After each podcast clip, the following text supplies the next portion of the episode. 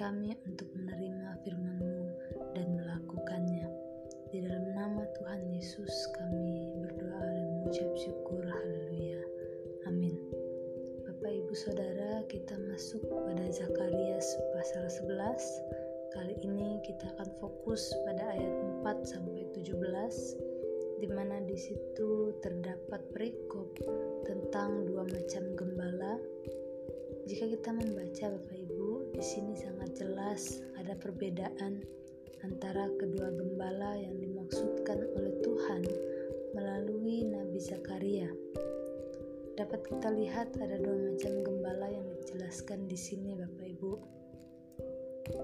Yaitu yang pertama adalah gembala yang baik, seorang gembala yang memelihara dombanya dengan baik, tetapi kemudian domba-domba yang tidak taat yang hanya memuji kesabaran gembalanya. Dan yang kedua, Bapak Ibu, yaitu gembala yang tidak baik, yang membiarkan kawanan dombanya mati dan tidak memperdulikan mereka. Tuhan mengibaratkan dua jenis gembala yang mempunyai tanggung jawab untuk mengurus kambing domba. Gembala yang satu melaksanakan tugasnya dengan baik, sedangkan yang satu sama sekali tidak melaksanakan tugasnya dengan baik, yang hanya membiarkan domba-dombanya tidak terurus, Bapak. Nah, Bapak Ibu, kita jika kita lihat Tuhan sedang ingin menyampaikan bahwa seorang gembala yang baik itu akan selalu memperhatikan domba-dombanya dan akan memelihara domba-dombanya dengan baik tapi terkadang Bapak Ibu domba-domba ini tidak taat kepada gembalanya.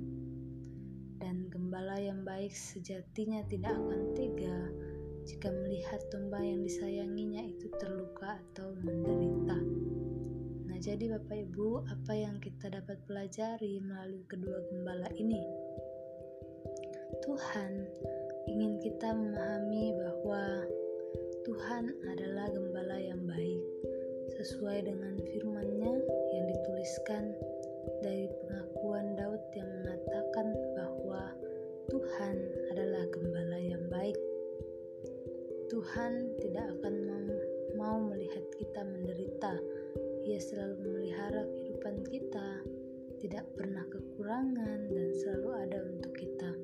Meskipun Bapak Ibu mungkin dalam keadaan yang sulit sekalipun, Tuhan tetap ada untuk Bapak Ibu, dan Tuhan menunjukkan bahwa Dia adalah gembala yang baik.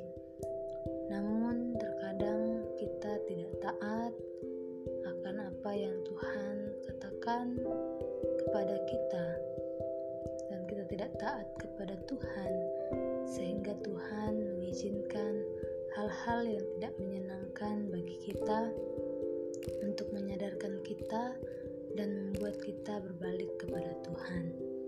Mungkin kita sudah terlalu menyimpang atau sudah terlalu jauh daripada Tuhan. Tuhan akan melakukan sesuatu yang membuat kita akhirnya sadar dan berbalik kepada Tuhan. Tuhan tidak sama seperti seorang gembala yang tidak memperdulikan domba-dombanya, Bapak Ibu. Justru Tuhan selalu memperhatikan dan memperdulikan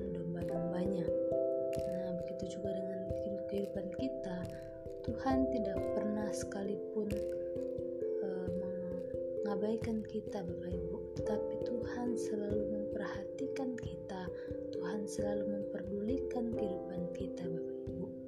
Dan ini perlu kita pahami, Bapak Ibu, bahwa Tuhan adalah seorang gembala yang baik yang tidak pernah membiarkan anak-anaknya berada dalam keadaan yang sulit dan penting untuk kita selalu taat kepada Tuhan sebagai gembala kita yang memimpin seluruh kehidupan kita. Nah, firman Tuhan telah datang kepada kita Bapak Ibu pada pagi hari ini. Mari kita merenang merenungkan firman ini dalam kehidupan kita.